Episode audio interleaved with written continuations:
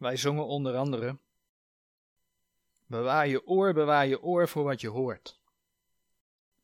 Dat is eigenlijk waar we het vanmorgen over gaan hebben.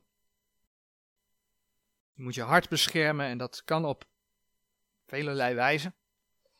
Een van de dingen daarvan is, ja, wat laat je binnen door je oren? Waar luister je naar?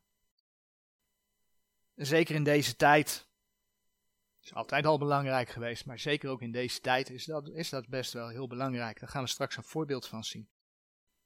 We staan dus stil bij de vraag: wat wil de Heere God van jou? En we zullen gaan zien dat die vraag te maken heeft met een stukje gehoorzaamheid. Gehoorzaamheid in het leven van jou als kind van je hemelse vader, als kind van God. Als we het over die gehoorzaamheid gaan hebben vanmorgen, dan hebben we het niet over wat de Bijbel ook noemt een stukje gehoorzaamheid des geloofs. Dat wordt in Romeinen 1, vers 5 zo onder woorden gebracht. En je komt dat ook in Johannes 3, vers 36 tegen. Wat er eigenlijk mee te maken heeft dat je als mens gelooft wat de Heer Jezus voor jou gedaan heeft. Dat je Hem als persoonlijke verlosser aangenomen hebt, waardoor je een kind van God geworden bent. En de Heere wil dat heel graag voor alle mensen, 2 Petrus 3 vers 9, zodat er niemand verloren gaat, maar dat zij alle tot bekering komen. Maar die gehoorzaamheid des geloofs is, is niet waar we het vanmorgen over gaan hebben. Waar we het wel over gaan hebben, zoals genoemd, is dus de gehoorzaamheid van jou. Als je eenmaal een kind van God geworden bent, je hebt de Heer Jezus als je persoonlijke verlosser aangenomen ben je dan gehoorzaam aan je hemelse Vader? Want wat wil de Heere God nou eigenlijk van jou? Is het zo dat als je een kind van, van God geworden bent, dat dan de Heere alles als vanzelf in jouw leven wel uitwerkt? Betekent het dan dat het, als je een kind van God bent, dat het eigenlijk niet meer uitmaakt dat je nog ja, zondigt? Betekent het dan dat het niet meer uitmaakt dat je zondige gedachten hebt, of dat je misschien verlangen naar iets hebt wat zondig is. Maakt dat allemaal niet meer uit, want ja, de Heer werkt het wel uit. Komt het dan allemaal automatisch goed? De Heer laat zien dat je ziel gered is. Maar ja, als je dan Gods woord gaat lezen, kom je tegen dat, dat er in jouw geest overleggingen zijn en dat je blijkbaar verkeerde beslissingen kunt nemen. Dus voor de gelovigen, dat blijkt ook uit de brieven aan de gemeente, is het blijkbaar niet vanzelfsprekend dat je ja, het goede doet, dat je, dat je het juiste doet met je lichaam. Want ja, in dat lichaam woont de zonde. En wat daarbij van belang is, en dat gaan we ook zien vanmorgen, dat de Heere God ook bij jou als kind van God jouw wil daar niet omheen gaat. Hij gaat niet om jouw wil heen. Hij dwingt jou nergens toe. Hij heeft je een vrije wil gegeven als mens. Uit vrije wil kom je tot bekering, kom je tot geloof in Jezus Christus, maar dan houdt het niet op.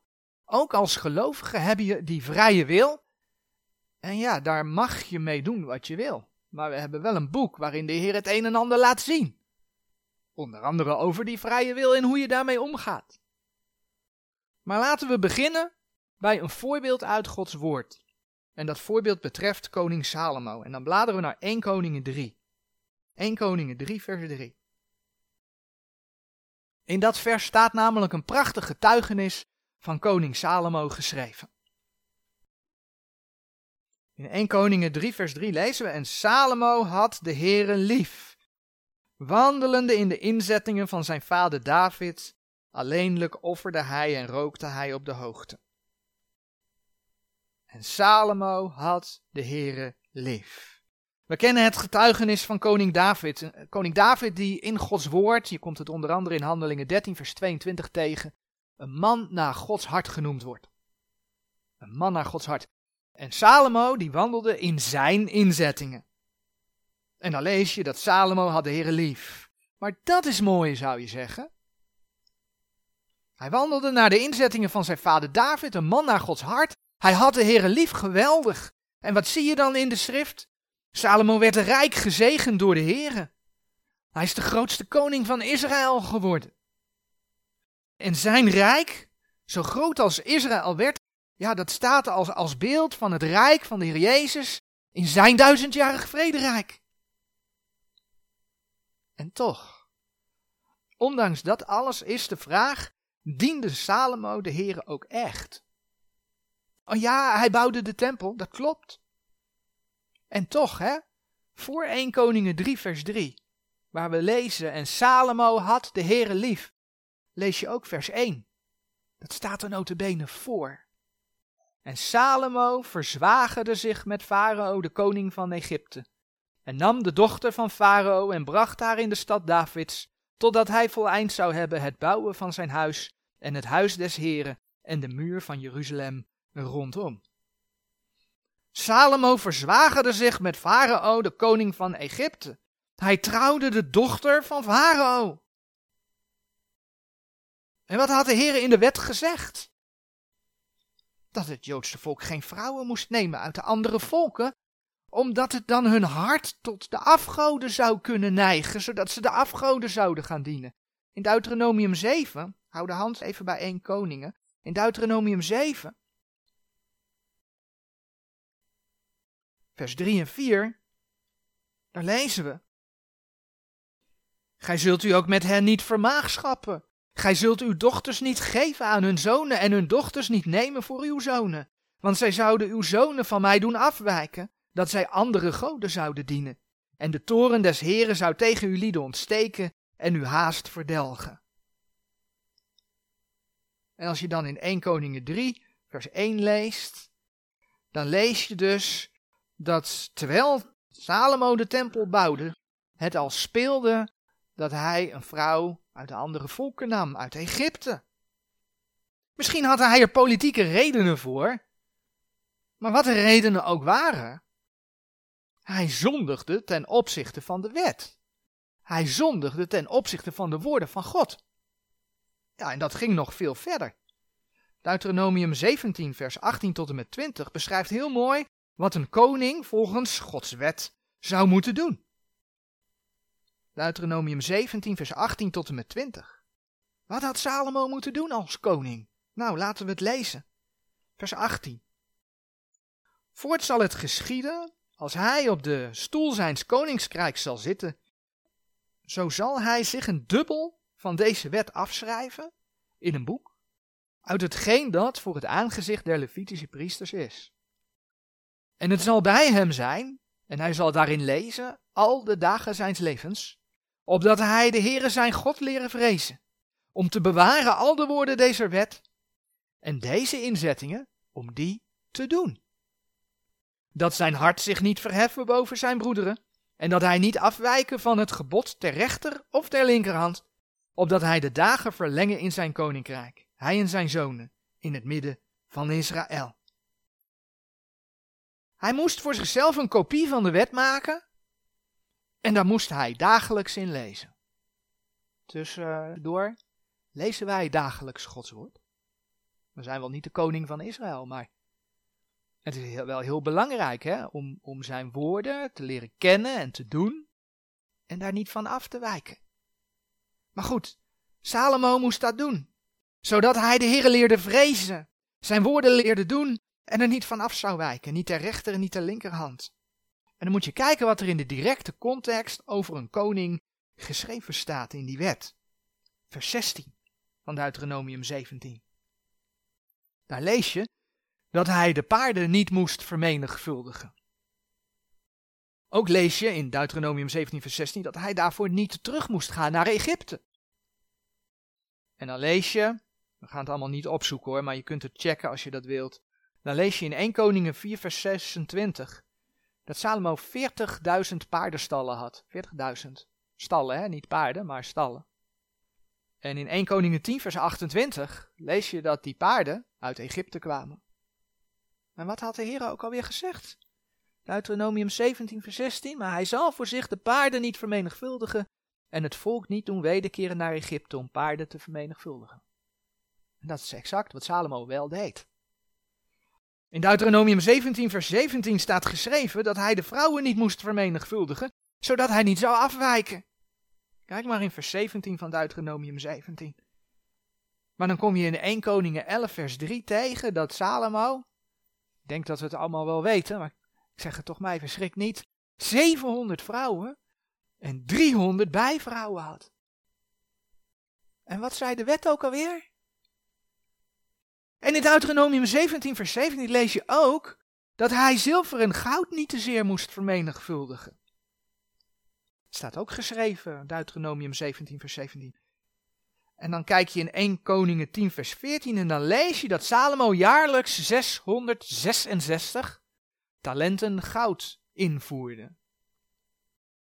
666 talenten goud. Het mag duidelijk zijn dat dat niet voor niets is. Hè? Dat de Heer dat zo heeft laten gebeuren. Want 666 is bij ons natuurlijk bekend als het getal van het merkteken van het beest.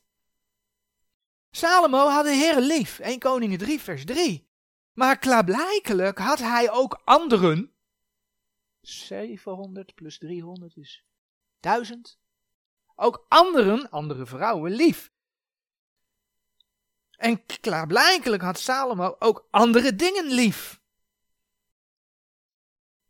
Waardoor, als je dat zo leest, Salomo de Heer wel lief had, maar hem daadwerkelijk niet volgde.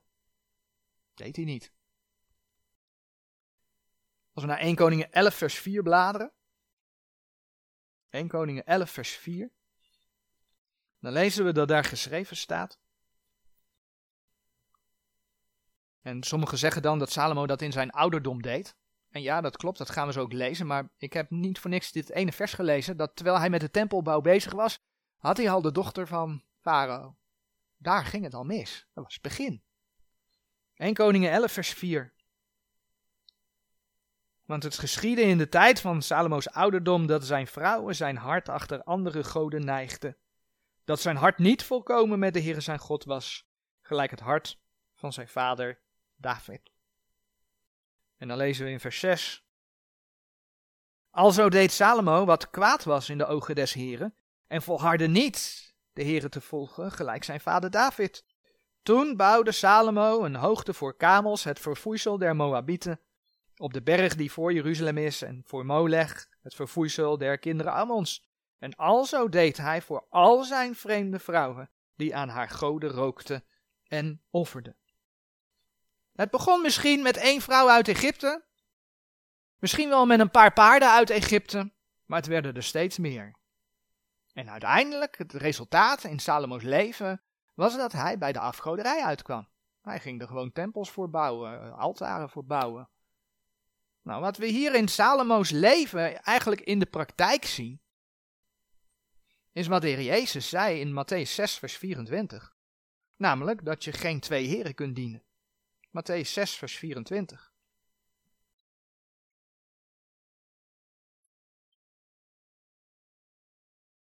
In Matthäus 6, vers 24 staat geschreven: Niemand kan twee heren dienen, want of hij zal de ene haten en de andere liefhebben, of hij zal de ene aanhangen en de andere verachten. Gij kunt niet God dienen en de mammon. En zo werkt het als het om de Heere God gaat. Nu gaat deze tekst heel specifiek over de mammon, hè? dat heeft met geld te maken. Maar het gaat voor elke combinatie van twee heren op. Zo staat er bijvoorbeeld over de wereld in Jacobus 4, vers 4. Jacobus 4, vers 4.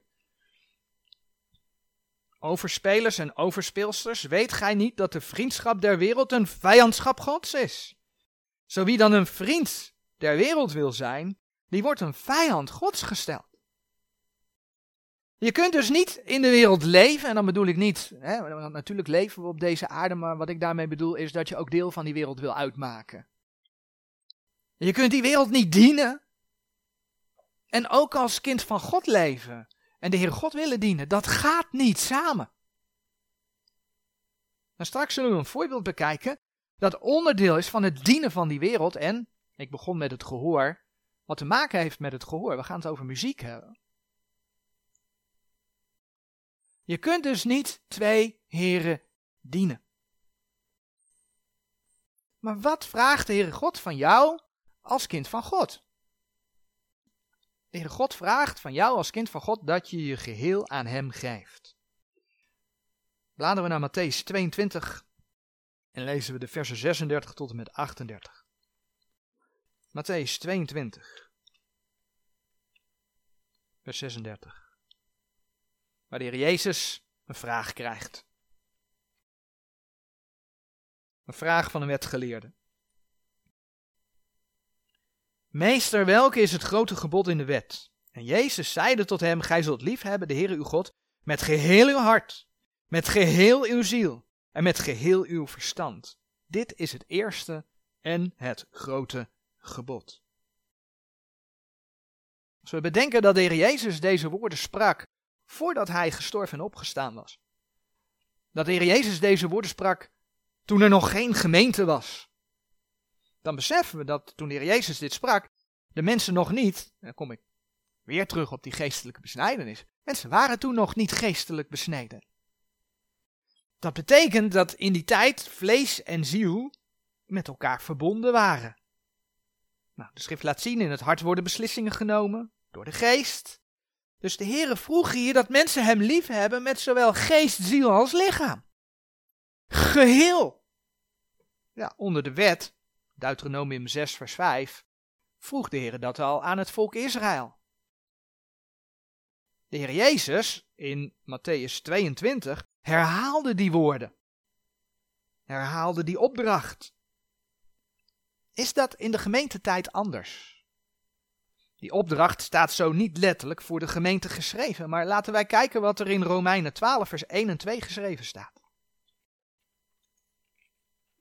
Romeinen 12, vers 1 en 2. Geen onbekende tekst. Ik bid u dan, broeders, door de ontfermingen Gods, dat gij uw lichamen stelt tot een levende, heilige en gode welbehagelijke offerande welke is uw redelijke godsdienst? En wordt deze wereld niet gelijkvormig, maar wordt veranderd door de vernieuwing uws gemoeds, opdat gij moogt beproeven welke de goede en welbehagende en volmaakte wil van God is. Als kind van God, als wederom geborene, heeft de Heere je ziel al. Je ziel is behouden, je ziel is vrij van de zonde, doordat je geestelijk besneden bent door de wedergeboorte. Je bent verlost. Dus de Heere heeft je ziel al. Wat Hij van jou als kind van God vraagt, is dat je veranderd wordt door de vernieuwing uw gemoeds. Dat hebben we net gelezen in Romeinen 12, vers 1 en 2. Dat je veranderd wordt door de vernieuwing in je denken. En dat je dus je lichaam anders gaat aansturen. Namelijk vanuit datgene wat je leert uit het woord van God. En als je dat in praktijk brengt, dan heeft de Heer ook jouw lichaam. En dat is wat hij vraagt. Hij wil graag dat je je lichaam aan hem geeft. Nou, je hebt als kind van God de Heilige Geest ontvangen. Maar word je ook vervuld met de Heilige Geest? Dat is wat anders dan dat je verzegeld bent met de Heilige Geest. Lees je Gods woord? Bid je? Doe je dat dagelijks? Ben je met zijn dingen bezig waardoor Gods Geest jou kan vervullen? En dat is de vervolgstap, laat je het vervolgens ook toe dat hij daardoorheen jouw leven stuurt en leidt? Of ga je toch je eigen weg? En ja, daar heb je dus als, als wederomgeborene wel degelijk ook een eigen wil. Dat gaat niet allemaal automatisch. Zoals we enige tijd geleden zagen, hebben we als kinderen van God de opdracht om onze oude mens af te leggen en onze nieuwe mens aan te doen. Enerzijds is onze positie in Christus dat we de oude mens afgelegd hebben en dat we nieuw geworden zijn in Christus. Maar onze toestand is dat we die oude mens moeten afleggen, we moeten de zonde achter ons laten en we moeten de nieuwe mens aandoen, we moeten naar de nieuwe natuur leven. Dat is waar de Heer ons toe oproept. Efeze 4, vers 22 en 23. Dat blijkt ook uit Romeinen 6, vers 13. Romeinen 6, vers 13, waar de Heer zegt: En stelt uw leden niet der zonde tot wapenen der ongerechtigheid, maar stelt uzelf goden als uit de doden levend geworden zijnde en stelt uw leden goden tot wapenen der gerechtigheid. Dus je kunt als gelovige twee dingen doen met je lichaam. Je kunt je vlees dienen. En daardoor dingen doen die de Heer niet wil. Of je kiest ervoor om de Heer te dienen. En zoals we gezien hebben, als je je vlees of de wereld dient, Jacobus 4, vers 4, dan handel je als kind van God als een vijand van God. Want als jij de wereld lief heeft, dat kan niet, dat gaat niet samen met wat de Heer wil, dus dan handel je als een vijand van God. Dus als je als kind van God ook als een vriend van God door dit leven wil gaan, luister goed, hè, als je als kind van God, je bent behouden, als je ook als een vriend van God door het leven wil gaan, dan zul je een vijand van deze wereld en van het vlees zijn. Zo simpel is dat eigenlijk. En dan is de vraag: geef je je geheel aan Hem? Dien je met je lichaam de Heer? Maar, maar, het is toch de Heere die het willen en het werken in mij werkt als kind van God? Dat zegt toch de Bijbel, dat zegt toch het woord van God? Ja, dat zegt de Heer inderdaad. Kijk maar in Filippenzen 2 vers 13, dat is een Bijbelvers. Filippenzen 2 vers 13. Het is een Bijbelvers, maar als je het niet in de context leest, is het ook een heel gevaarlijk vers. Want daarmee kun je alles goed praten. Filippenzen 2 vers 13 zegt, want het is God die in u werkt, beide het willen en het werken naar zijn welbehagen. Dus ja, de Heere wil het willen en het werken naar zijn welbehagen in je uitwerken. Maar, maar, kun je dan redeneren, dan is het toch niet erg als ik hier en daar nog een voorliefde voor zondige dingen heb. Dat moet groeien. Dat is een groeiproces en de Heere doet dat in mij. Zo kun je dan redeneren. Maar weet je, dat dat heel makkelijk is om zo te redeneren? En dat je eigenlijk op dat moment de Heer de schuld geeft van de zonde die nog in jouw leven is. Maar ja, de Heer heeft het nog niet opgelost. Los het maar op, God, en ondertussen ga jij vrolijk verder. En dan zegt Jacobus 1, vers 13. Jacobus 1, vers 13 zegt: Niemand als hij verzocht wordt, zeggen: Ik word van God verzocht.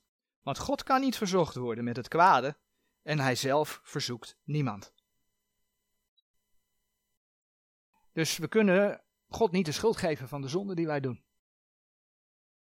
hij werkt het willen en het werken in mij. Dus de zonde die ik doe, is, komt bij God weg. Dat kan niet.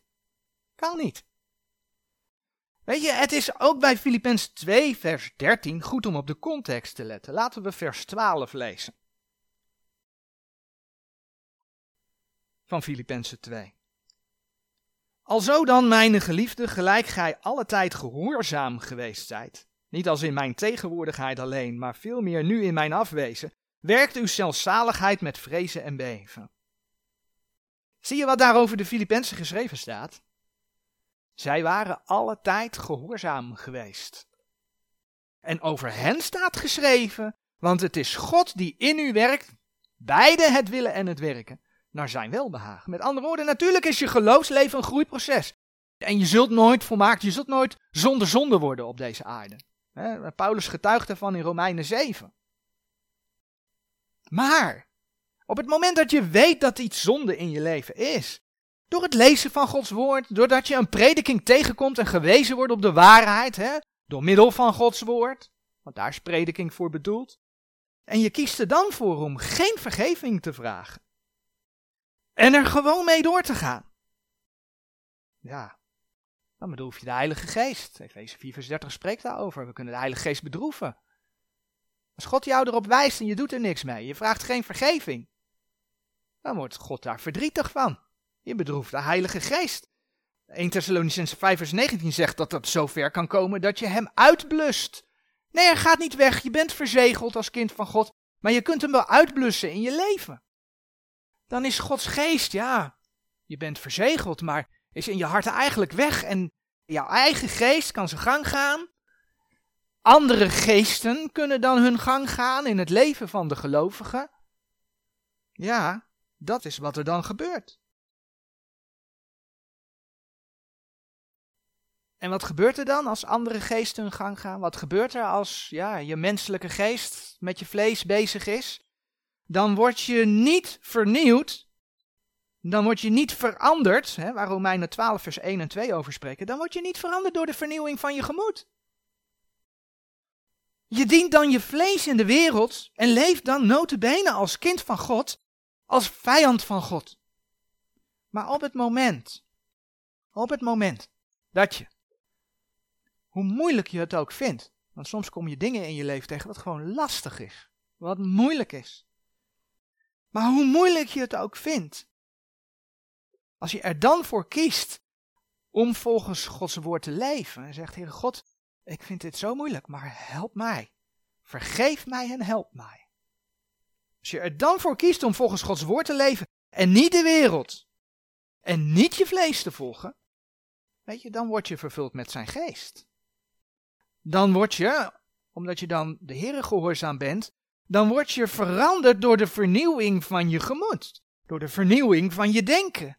Dan gaat de Heer je zelfs helpen Filippenzen 2 vers 13, om het willen en werken naar zijn welbehagen en je uit te werken. Want jij voegt je naar hem, je bent gehoorzaam aan hem. En dan ga je groeien in het geloof. Dus in dat hele proces stel de Heer jouw wil niet buiten werking. Hij dwingt jou niet. Net zoals hij je niet dwong om hem aan te nemen. Wat hij wil is dat je heel bewust, met jouw eigen wil, niet wereldgelijkvormig wordt. Maar je lichaam stelt, Romeinen 12 vers 1, tot een levende, heilige en gode welbehagelijke offerande. Een offerande, hè? Een offerande. Het kost je iets. Als je je lichaam offert, als je je zonde voor dood houdt, dat is offeren. Het kost je moeite. En soms kan het misschien zelfs wel pijn doen om tegen je vlees in te gaan. Maar uiteindelijk zal het je vreugde gaan geven, omdat je, zoals Romeinen 12, vers 2 zegt, de goede en welbehagende en volmaakte wil van God gaat proeven. Je gaat het proeven. Als je je lichaam dus geheel als een levende, heilige en gode welbehagelijke offer aan de Heer geeft, dan heeft dat dus onder andere met je hart te maken. Maar ook met hetgeen wat je door ogen, oren, neus, mond binnenlaat. En wat je door je mond naar buiten laat. Het heeft met je handen te maken, wat je met je handen doet. Het heeft te maken met waar je met je voeten gaat. Spreuken 4, vers 20 tot en met 27 is daar een heel mooi gedeelte over. We gaan dat nu niet helemaal lezen. Maar omdat we het over muziek gaan hebben, lezen we het vers wat over gehoor gaat. Spreuken 4, vers 20. Spreuken 4, vers 20. Mijn zoon, merk op mijn woorden, neig uw oor tot mijn redenen. En waarom doe je dat? Spreuken 4, vers 23. Dat doe je om je hart te beschermen. Je vult je met Gods woorden om je eigen hart te beschermen. Maar als je je kunt vullen met goede woorden om je hart te beschermen, dat betekent dus dat je ook verkeerde dingen kunt binnenlaten. En als je verkeerde dingen binnenlaat, kunnen jouw gedachten, jouw geest kan daarmee bezig gaan en daar ga je naar handelen. Dus je hart behoeden met het gehoor is niet alleen goede dingen naar binnen laten, is ook het blokkeren van verkeerde dingen. Het niet verkeerde dingen willen horen. Want op het moment dat jij verkeerde dingen bezig laat, dan kan vanuit het vlees daar een liefde voor ontstaan. En dan bescherm je je hart niet. Nou, dit alles laat zien, opnieuw, dat je niet twee heren kunt dienen. Dat gaat gewoon niet.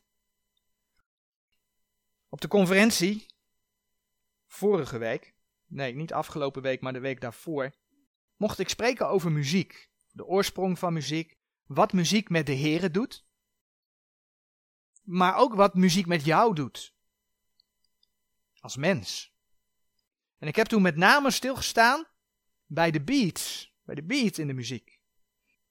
De beat in de muziek die duivelen oproept. En dat zie je ook in de symboliek die in de muziekwereld gehanteerd wordt. Nou, als je dat na wil luisteren, het staat online bij eh, SV1637, het YouTube kanaal. Daar kan het nageluisterd worden. Ik wil het nu niet over de beat in de muziek hebben, maar ik, ik wil me richten op de teksten van de muziek. Kun je als kind van God naar wereldse muziek luisteren? En misschien moet je daar zelfs de conclusie bij trekken, zeker als het om de muziek zelf gaat en niet om de zang, de beats bijvoorbeeld, die ook in christelijke muziek gedaan worden. De symboliek die ook in christelijke muziek door de artiesten vanuit de wereld gekopieerd wordt en uitgevoerd wordt om duivelen op te roepen. De christelijke wereld onderscheidt zich niet omdat ze wereldgelijkvormig zijn van de wereld. Maar kun je naar wereldse muziek luisteren? Nou, daarvoor heb ik gezocht naar muziek uit de top 40. De top 40 van dit jaar. Waar vullen mensen zich mee? Nou, in de top 40 dit jaar staat bijvoorbeeld het lied How You Samba van Chris Cross Amsterdam. Ik ben helemaal niet thuis in, in al die liederen en namen, maar ik ga ze noemen. Als mensen het willen, hè, het komt ook online staan, kunnen ze het checken. Gewoon een aantal van die songs bekeken. Chris Cross Amsterdam en Sophia Reyes en Tini Tempa hebben dan het lied How You Samba. Het eerste deel van het lied begint al met ik zoek iemand om lief te hebben. Iemand om lief te hebben. Nou, dan ga je dat lied doorlezen. Dan gaat het over hete nachten. Waarin men gek doet. Met je slechte vrienden. Ik ga niet al die liederen allemaal voorlezen. Maar ik heb er een aantal punten uitgehaald. Die daarin naar voren komen. Of het lied Substitution. Van Purple Disco Machine. Dat gaat over bipolair zijn. Het niet kunnen vergeten van een oude liefde. Terwijl diegene die dat zingt met iemand anders wakker wordt. Of het lied Karma van Taylor Swift. Dat erover gaat dat karma een god is. En degene pakt die kwaad heeft gedaan. En dan zingt die persoon dat, dat karma van hem, van diegene houdt. En het lied wordt gevloekt. Een ander lied, Hypnose van Fleming. Daar wordt gezongen dat iemand door iemand anders onder hypnose gebracht wordt en daardoor het lichaam niet meer in de hand heeft. En dat ze die avond, als de goden hierboven, zo wordt het dan gezegd, dat ze losgaan. Weet je, dat zijn zomaar vier voorbeelden uit de top 40 van liederen. Waar mensen vandaag de dag veel naar luisteren. En ja, zo gaat het met de top 40. Waar ze hun kinderen naar laten luisteren. En die vullen zich continu met dat soort dingen. Zo kwam ik een videoclip, en daar is dit plaatje van. Kwam ik een videoclip tegen van, weliswaar twee jaar geleden. Waarin een kind, dat jochie, zingt Baby, I just wanna love you. This is my emotion. Nou, het is een familie die zich de Royalty Family noemt en allerlei video's voor YouTube maakt, waaronder die clip. Maar waar het om gaat is dat de muziek gevuld is met Baby, Baby. I want you. I want to love you. Overspel, hoerij, afgoderij, vloekwoorden. Met het lichaam niet onder controle hebben. Met het volgen van je emoties. Met het aanzetten tot het hebben van slechte vrienden. Alles staat haaks op wat God in zijn woord leert. En dat gaat 24 uur per dag door. Mensen zullen er vast niet 24 uur per dag naar luisteren, maar het gaat 24 uur per dag door. Mensen kunnen zich er continu mee vullen. En dat gebeurt. Hoererij en overspel, nou ik denk dat we wel weten wat de Heer daarvan zegt. 1 Korinthe 6 vers 18, vliet de hoererij. Laten we 2 Timotheus 2 vers 22 even opzoeken. 2 Timotheus 2 vers 22. Maar vliet de begeerlijkheden der jonkheid. Ja, en dat gaat natuurlijk veel verder dan overspel en hoerij, maar daar heeft dit wel mee te maken. Vliet de begeerlijkheden der jonkheid. Vliet, vlucht, vlucht er van weg, zegt de Heer. Maar als de Heer zegt, vlucht er van weg, vul je dan wel je hart met liedjes die gaan over baby, baby, I want you? Of je lichaam niet in de hand hebben. We hebben het al gelezen, maar pak het er nog een keer bij. 1 Korinthe 9, vers 27. 1 Korinthe 9, vers 27. Waar Paulus zegt, maar ik bedwing mijn lichaam. En breng het tot dienstbaarheid. Opdat ik niet verwerpelijk word. Die liederen leren precies het tegenovergestelde. Het zet aan tot rebellie. En als je dat ziet, is het de God van deze eeuw, de God van deze wereld, die daar de Heer van is. 2 Korinthe 4, vers 4 spreekt daar ook over. Dat hij mensen wil verblinden, zodat hen het evangelie niet bestralen. Hè? De verlichting van het evangelie van de heerlijkheid van Christus. En nou gaat dat vers over ongelovigen. Maar hij doet dat bij gelovigen net zo goed, die zich daarvoor open gaan stellen. Dan kun je de Heer wel kennen. Doordat je een kind van God geworden bent. Maar in je levenswandel zie je daar niks van terug. Omdat je verblind geworden bent. En het is geen wonder dat die vijand dat doet. Want bij zijn val, in Ezekiel 28 lees je daarover, de Satan was een troonbedekkende gerub.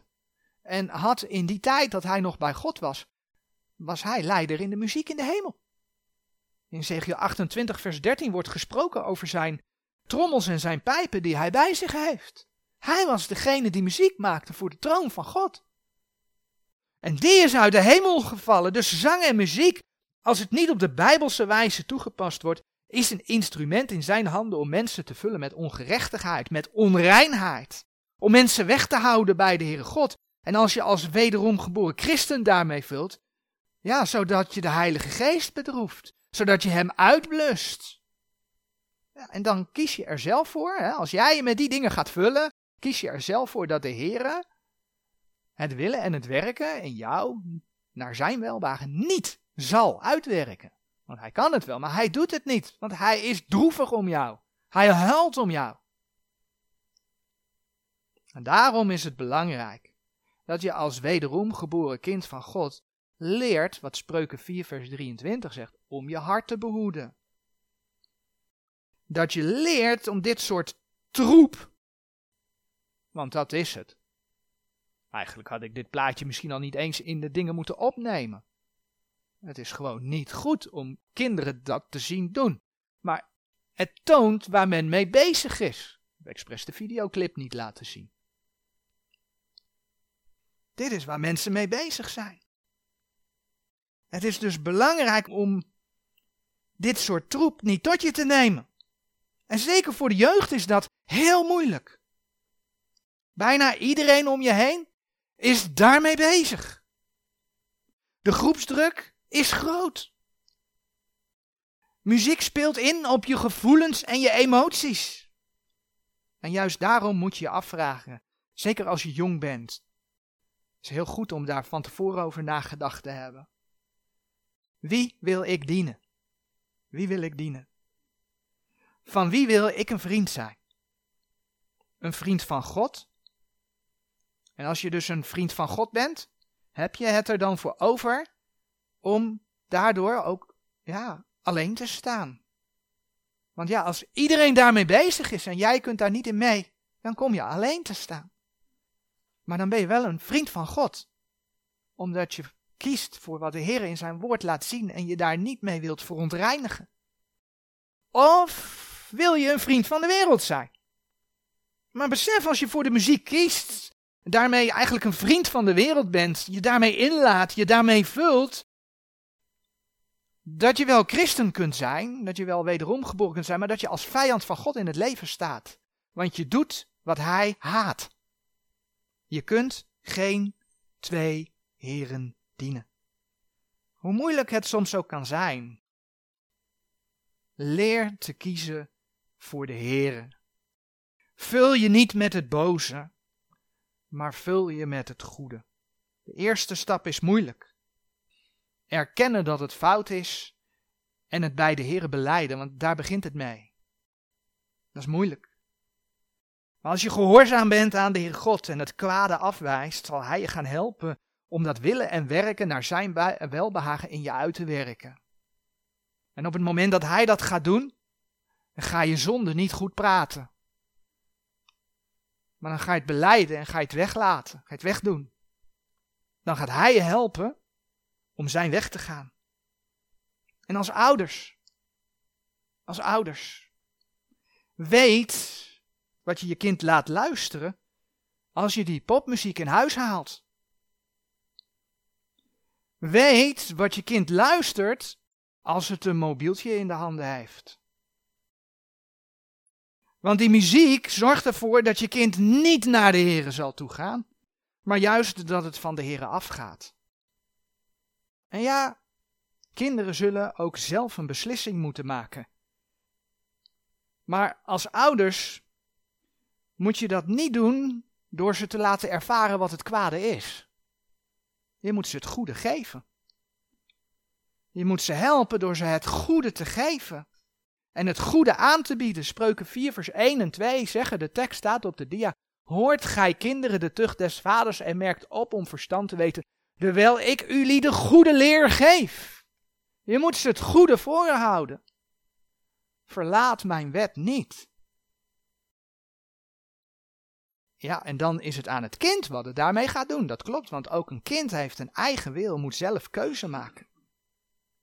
En zo staat spreuken, we bladeren naar spreuken 2. Zo staat spreuken vol met teksten over een vader en, ook over een moeder. Die hun kind het goede leren. En als voorbeeld lezen we dan spreuken 2, de eerste acht versen. Spreuken 2. Mijn zoon, zo gij mijn redenen aanneemt en mijn geboden bij u weglegt, om uw oren naar wijsheid te doen opmerken, zo gij uw hart tot verstandigheid neigt. Ja, zo gij tot het verstand roept, uw stem verheft tot de verstandigheid. Zo gij haar zoekt als zilver en naspeurt als verborgen schatten. Dan zult gij de vrezen des Heren verstaan en zult de kennis Gods vinden. Want de Heere geeft wijsheid, uit zijn mond komt kennis en verstand. Hij legt weg voor de oprechte een bestendig wijze. Hij is een schild dergenen die oprechtelijk wandelen, opdat zij de paden des rechts houden, en hij zal de weg zijner gunstgenoten bewaren. Als de mens niet opgevoed wordt in de woorden van de Heere God, dan gaat die mens als vanzelf zondigen, want dat zit in zijn natuur. Dat zit de mens in het vlees. En daarom komen moderne psychologen, pedagogen met de zogenaamde vrije opvoeding je moet het kind het zelf maar laten ontdekken. Op alle vlakken in het leven. Laat het vooral zijn eigen gang gaan. Dat is goed voor zijn ontwikkeling.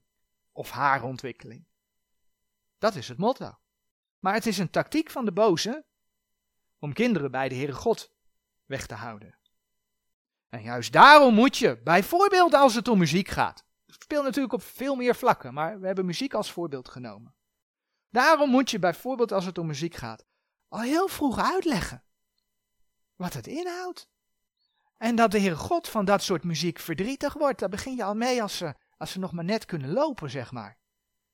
Als ze met je meelopen en ergens muziek opvangen. Ja, dat is dat en dat soort muziek, zeg je dan. Gaat daar en daar over. De Heer God wordt daar heel verdrietig van. Daar begin je al heel vroeg mee met uitleggen. Maar wat? Wat als je dat altijd anders hebt gedaan? Want die situaties komen ook voor, dat mensen niet hebben ingezien wat het gevaar daarvan is. Wat dan? Dan is er maar één oplossing. Er is echt maar één oplossing en dat is in gebed gaan en de Heere beleiden dat je het gevaar niet hebt gezien, want je hebt het nu mogen ontdekken uit Gods woord. En dan zeg je, Heere God, reinig mij en heilig mij mijn geest en mijn vlees. En ik heb het verkeerd gedaan. Ik ben mijn kinderen verkeerd voorgegaan. Ik heb het ze niet verteld. Weet je, daar begint het mee. Ja, en vanaf dat moment, als je het beleden hebt, moet je het nalaten. Dus je wil die troep niet meer in huis hebben. Weer het uit je huis. En ja, weet je, ik, ik noem maar een lied van een populaire zanger. Dan ga je niet het ene liedje van Marco Borsato wel opzetten. En het andere liedje van Marco Borsato niet opzetten. Want Marco Borsato kent de Heere God niet. Zijn muziek, dat is ingegeven door een wereldse geest. Luister het in het geheel niet. En zoek goede muziek. Zoek muziek die de Heere eert. Zodat je je hart bewaakt door het kwade te vullen. Maar tevens door naar het goede te luisteren. En op dat moment dat je dat in de praktijk brengt, draagt dat bij aan het feit dat de Heere God jou zal vervullen met zijn geest. Want je vult je met zijn woorden, je vraagt vergeving voor je zonde. En je zegt, ja Heere, ik wil, maar help mij, want ik ben zwak. En dan wil hij dat willen en werken in je uitwerken, door zijn geest.